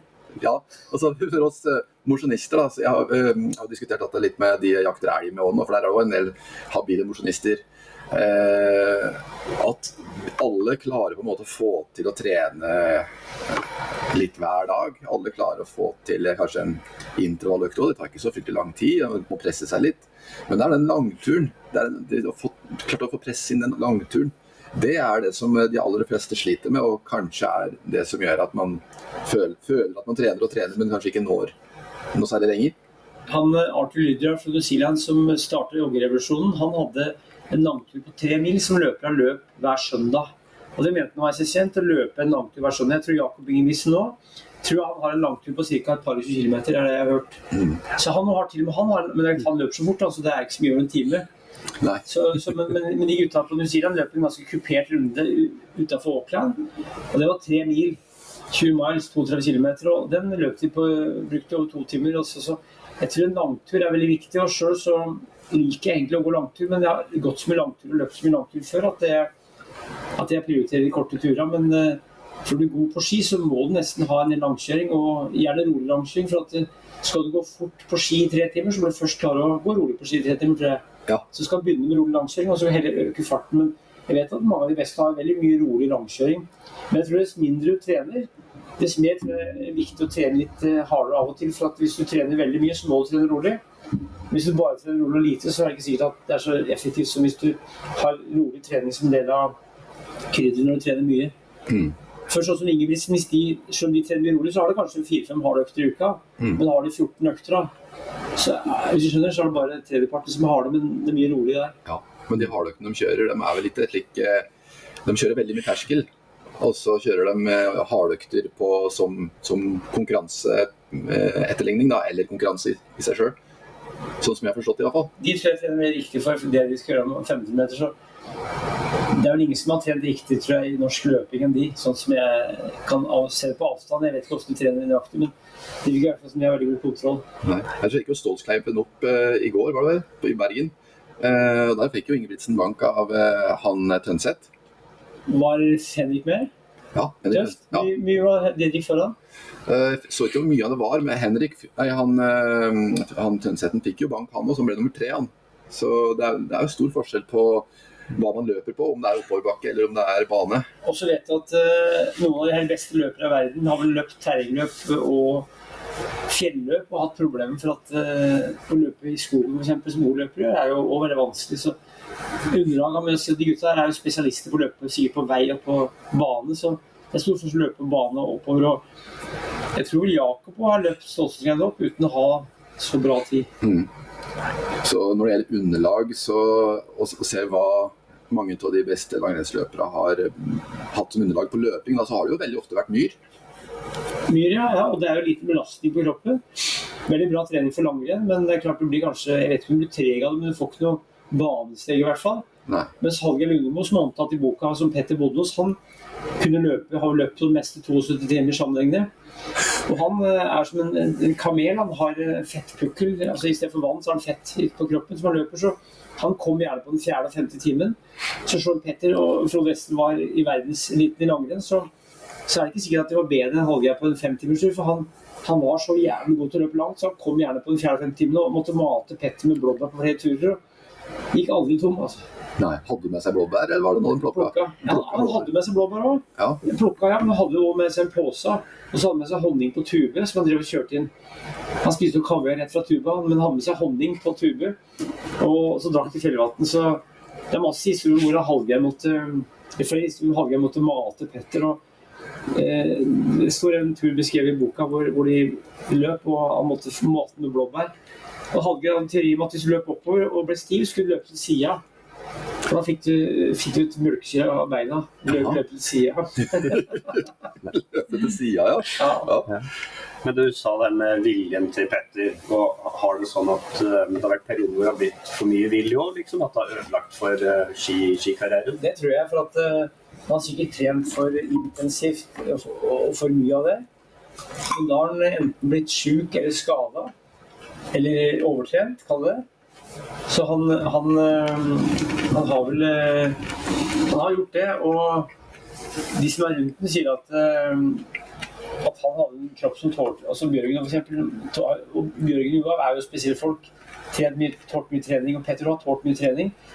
Så, så han har helt sikkert bikka over streken, men det tror jeg de fleste gjør. De fleste må få noen lærepenger. Ja, han har jo hatt en del treningskompiser opp gjennom åra, og jo flere som har prøvd å henge på Petter og kjøret hans. Hvordan har det gått med dem? Har de blitt bedre skiløpere? Noen av de har rett og slett eh, Frodo fra Hamar. Han, eh, han ble ikke trent i hjel, men det var mange som eh, ikke tålte det. Og Frode Esti, som er eldre, 14 år eldre Petter, han skjønte jo hvor det var. så han, ja, han hadde sin egen måte å trene på, så han hadde jo klart å finne en lengde før Petter ble voksen. så det er folk som slett Ikke at jeg liker lasten, de har blitt trent i med å prøve å henge på han og prøve å ha de samme dosene.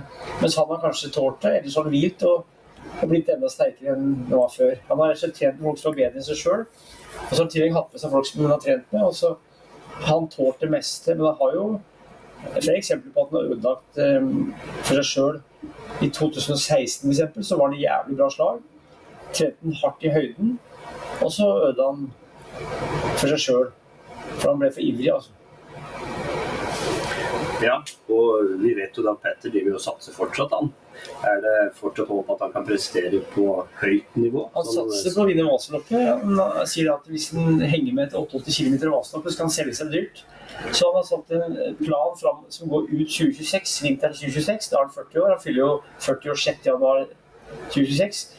Så han, han gjør noen forsøk fra i vinter, altså tre vintre, 24, 25, 26, på å prøve å se hvor god han kan bli. Og prøve å vinne Vasaloppet. Det er det store målet. Og Vinner han det, så er det gjerne godt gjort. Og vinner han ikke, så har han ikke noe å tape. Så han er i slag. Han trener bra, har det moro. Jobber attåt og trener så mye som kroppen tåler. Ja. Og så er det det her med den boka di, hvis det er sånn at noen av lytterne ønsker å kjøpe den. Er det sånn den er til salgs overalt? eller? Overalt. Salgs overalt.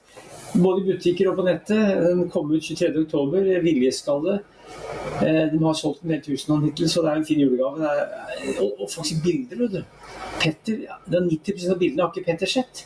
Jeg var fire dager i Trøndelag for å spore opp bilder. Det var hos Hallgeir Lundemo som har flere hundre tusen bilder. eh, Og masse av bildene har ikke Petter sett. Så jeg har fått tak i veldig mye nye, fine bilder. Altså, De er ikke så gamle, men det er jo fra den tida til Petter. Så det syns jeg er artig. For her. her ser du Villa Brå og Petter. Det er mye fine bilder. altså. Petter har ikke sett de fleste av bildene. Men det bildet du har med han Oddvar Brå, var det før eh, Nordtun var på landslagsnivå? sånn, Det er 2007. Bursdagen til Jon oppi, oppi Framherad. Så det er så bilder som eh, mye er privat, eh, og mye er lånt av Lundemo. Han har tatt masse bilder og, og masse film av Petter som er tatt i, i, opp, opp gjennom åra. han dem trener og sånn, eller for å analysere? Treningsbilder, alt, alt mulig.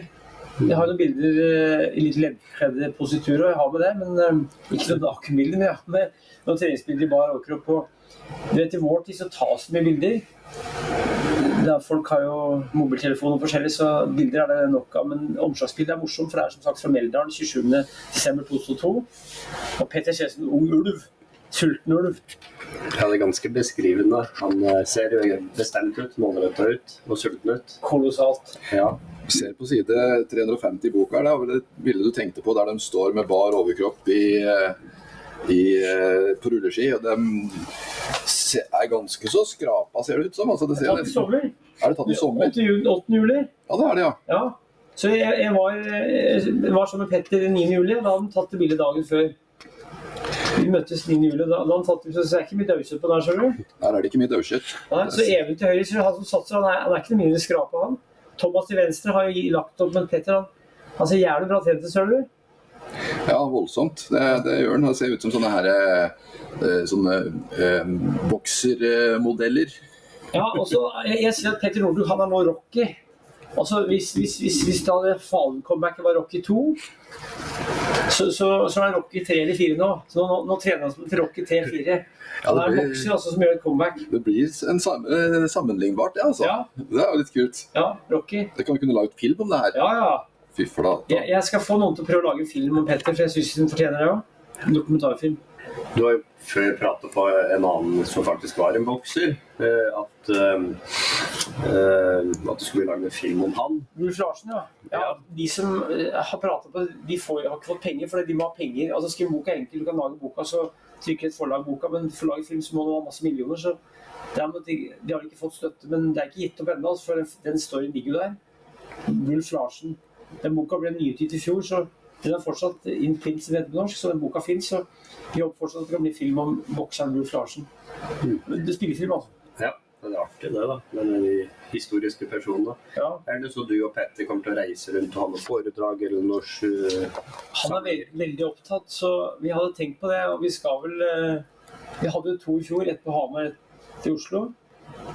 Og det? Nei. Nei, jeg har ikke vært der. Så, så, så vi, vi, får se. Altså, det avhenger av han. Altså, jeg, jeg, stiller opp hvis han har mulighet, men han har nå den jobben, og så har han satsinga si. Så det må bli når det passer han.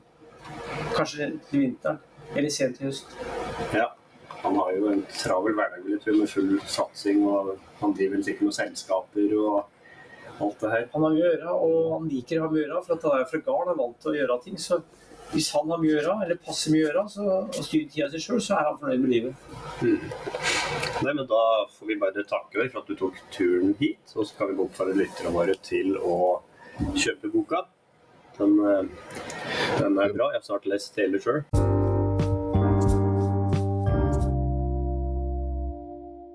Det er like artig å få prate med Thor. Det, han har alltid så mange historier å komme med som så, han har utrolig god, god hukommelse altså, i forhold til uh, oss andre, syns jeg. Så nei, han, han Thor han må vi ha med flere ganger, tror jeg. Absolutt. Han er eh, rett og slett unik. Det, det, er ingen som er som han og har den hukommelsen og klarer å huske så mange detaljer fra alt mulig. Så det, det er fascinerende. Jeg kan jo bare si at etter vi hadde den innspillinga her, da, så fikk jo jeg et veldig bra tilbud fra han det viste seg at han skulle til Brumunddal og møte Petter Northug. Eh, han trengte skyss. Thor har jo ikke bil. Han baserer seg i hovedsak på mm, tog, eh, buss, eh, kollektivtransport altså. Så vi fikk jo tilbud om å få møte Petter Northug, hvis jeg kunne kjøre den. Så det slo jeg jo til på, da, så det var ganske artig, det. Thor hadde akkurat vært ute og gått Klarelvsloppet borte i Sverige, et rulleskirenn gjorde det ganske bra. Det var med teten inn, eh, ble nummer ti til slutt. Det må vi jo si er ganske bra. Vi snakker jo om eh, langløpseliten her. Hva tenker du hva Petter Northug kan få til eh, i vinter, egentlig? Jeg tror han kommer til å være høyt på lista. og Det som mange, mange tenker, det er vel at han, hvis han henger med inn, så kommer han til å vinne.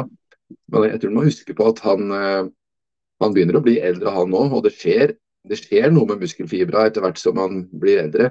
Så jeg, jeg, tror ikke vi kan regne med å se de ekstreme spurta som vi husker fra eh, gamle dager. Men eh, du skal ikke se bort ifra at hvis han da har en god dag, og det er jo, det er jo Vasaloppet som er hovedmålet. Um, han vil nok sikkert bruke mye av de andre renna som litt eh, konkurransetrening mot, mot Vasaloppet, og at man da topper i formen mot da. Så jeg må nok si at jeg vil ikke bli overraska eh, av å se han på pallen på Vasaloppet allerede nå i, i, år. Så hva tror du?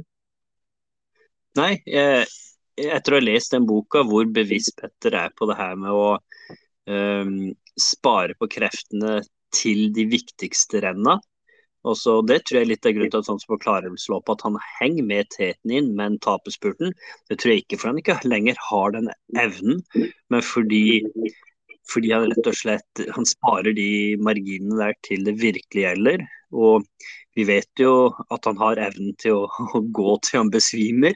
Så det, han klarer virkelig å ta seg ut. Tidligere på rulleskirenn nå i sommer så har han vist eh, spurtegenskaper på høyde med de beste landslagsløpere. Så jeg tror han absolutt har, eh, har det i seg fortsatt. Eh, Selvsagt akkurat Vaseloppet, det kan jo bli kanskje hardt allerede nå til vinteren, men at han blir høyt oppe der og kanskje kommer til å være helt i toppen på andre renn, det, det tror jeg absolutt. Så historien om Petter Northug, den, den er ikke over. Så han mente jo sjøl, eh, han sa jo det mens han var på Brumunddal her, at hvis han fortsatte å gå sånn som han gjorde nå, så ville han sjøl om en fem-seks år skrive en bok eh, som skulle hete 'Mitt liv som middels langrennsløper'. Så det sa han jo med et smil da, til Tor Gotaas, som allerede har skrevet en sånn bok. Så, men det tror ikke jeg kommer til å skje. Han eh, kommer til å prestere på høyt nivå når han først har bestemt seg for det. Så, men hvordan ser det ut med din trening nå videre utover? Eh, jo, det ser egentlig ganske greit ut. Det gjør det. I morgen så har jeg tenkt å kjøre en, eh, en lang terskeløkt på, på rulleski. Eh, ren staking. Så får vi se. Nå har jo jeg fått etablert mitt eget eh, firma, så jeg reiser mye rundt på og holder eh, kurs. Og det gjør jo at det, man må planlegge en del i forhold til hva man skal ha med seg og hvordan man skal legge opp ting. Uh, men kursene er jo stort sett på kveldstid, sånn dagtid. Da er jo stort sett fri til å, til å trene. Og skal jeg opp igjen til eh, Hemsedal om to uker, og deretter skal jeg til Førde og være der en ukes tid. Så man blir jo kjent på nye treningsområder òg, da. Så, så det er jo spennende. Ja, det absolutt. Det er, eh, du har ordna deg en fin jobb. Det, men det er kanskje sånn det må gjøres òg. Hvis man ønsker seg en drømmejobb, så må man kanskje bare lage den sjøl, eller? Ja, jeg tror det. Jeg tror liksom at ikke kan forvente å få til det bare ved å søke seg inn i drømmejobber. Han har, ikke den, han har muligens ikke den uh, sjøl, altså den, den, egen, den, muligheten å bestemme sjøl hvordan man skal gjøre ting. Uh, den muligheten har han jo når man driver selvstendig, da, men, men, man skal ikke stikke under en stol at uh, det å drive selvstendig, det er en uh, det er ofte ganske krevende det òg. Og i, i, noen tilfeller så er jo det mer krevende enn en, enn en 8-4-jobb f.eks. Så alt, alt har sine, altså all, alle ting, alle yrker har sine fordeler og, og bakdeler. Men uh, jeg tror man på en måte, hvis man klarer å kombinere et yrke man trives i med familieliv og trening og en sunn livsstil, så, så vel det, må vel det være eh, målet for de fleste. Tror du ikke det? Jo da, absolutt. Så, og det, det, er jo ikke sikkert at drømmejobben finnes, men eh, da kan man jo ha det veldig gøy på fritida. Så og det er jo å anbefale. Vi kan jo sterkt anbefale både å sykle og løpe og gå på ski, vi. Det er fine hobbyer, det. Absolutt, det er det. Så eh, vi kan vel egentlig runde av med å si, altså ønske alle sammen en riktig fin treningsuke. Uansett om det er eh, inne på treningsstudio, eller om det er ute med joggesko eller på, på sykkelsete eller med skistaver i hendene, så, så, må man bare ut og nyte eh, høst, høsten og hva den har å, å, tilby. Så da tenker jeg vi eh, Du, du har kanskje noe, noe, du vil si som vanlig du på slutten, kanskje? Nei da, bare at uh, følg oss på Spotify og trykk, uh, trykk gjerne på de her rating-greiene. Det er vel én til fem stjerner. Uh, vi, er, vi er, jo avhengig av å være synlige inne for Spotify, så lenge det er der vi gis ut ifra. og vi er jo i konkurranse med mange andre podkaster, så det, vi, vi, lever av å være synlige der. Så, og jo høyere rating vi har, og jo flere som rater oss, jo lettere er det å finne oss på de her søkemulighetene. Så det gjør gjerne det. Det setter vi stor pris på. Ja, og, og ikke vær redd for å snakke med treningskompiser og sånt om podkasten heller. For det er litt sånn jungeltelegrafen som ofte er det som er avgjørende i forhold til om man får et hopp med en lytter eller ikke. Så, så um, da tenker vi bare runder av, og da høres vi som vanlig neste mandag. Ha det bra.